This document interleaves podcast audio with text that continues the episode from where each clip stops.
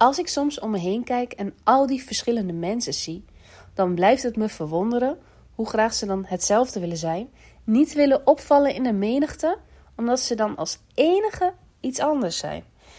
En het geheim is denk ik om die typische eigenschappen van jezelf te accepteren, te eren en ervan te leren. En ook ik ben dat nog elke dag aan het doen, want het is een proces en dat stopt niet, dat houdt niet op, dat gaat door. Waardoor je steeds weer een stukje dichter bij je eigen waarheid komt. Ik moest denken aan een sprookje. Roodkapje en de grote boze wolf. En bijna iedereen kent dat sprookje.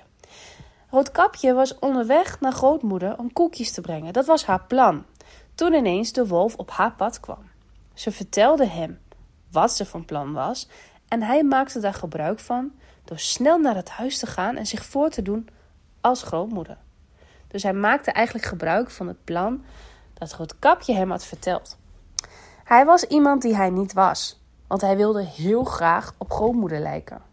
Roodkapje zei: Maar grootmoeder, wat heeft u grote ogen?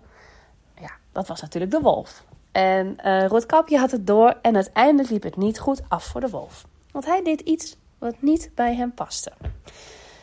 Toen dacht ik, ja, het is heel belangrijk om op je eigen pad te blijven. Want jouw pad is voor jou gemaakt om op te lopen. En volg het en blijf hopen. Maar sla niet een richting in die niet voor jou is. Dit zal je alleen maar afleiden van de route die voor jou en enkel voor jou bestemd is. En laat je vooral niet afleiden door een wolf. ik kwam daarbij op het volgende gedicht: Mensen.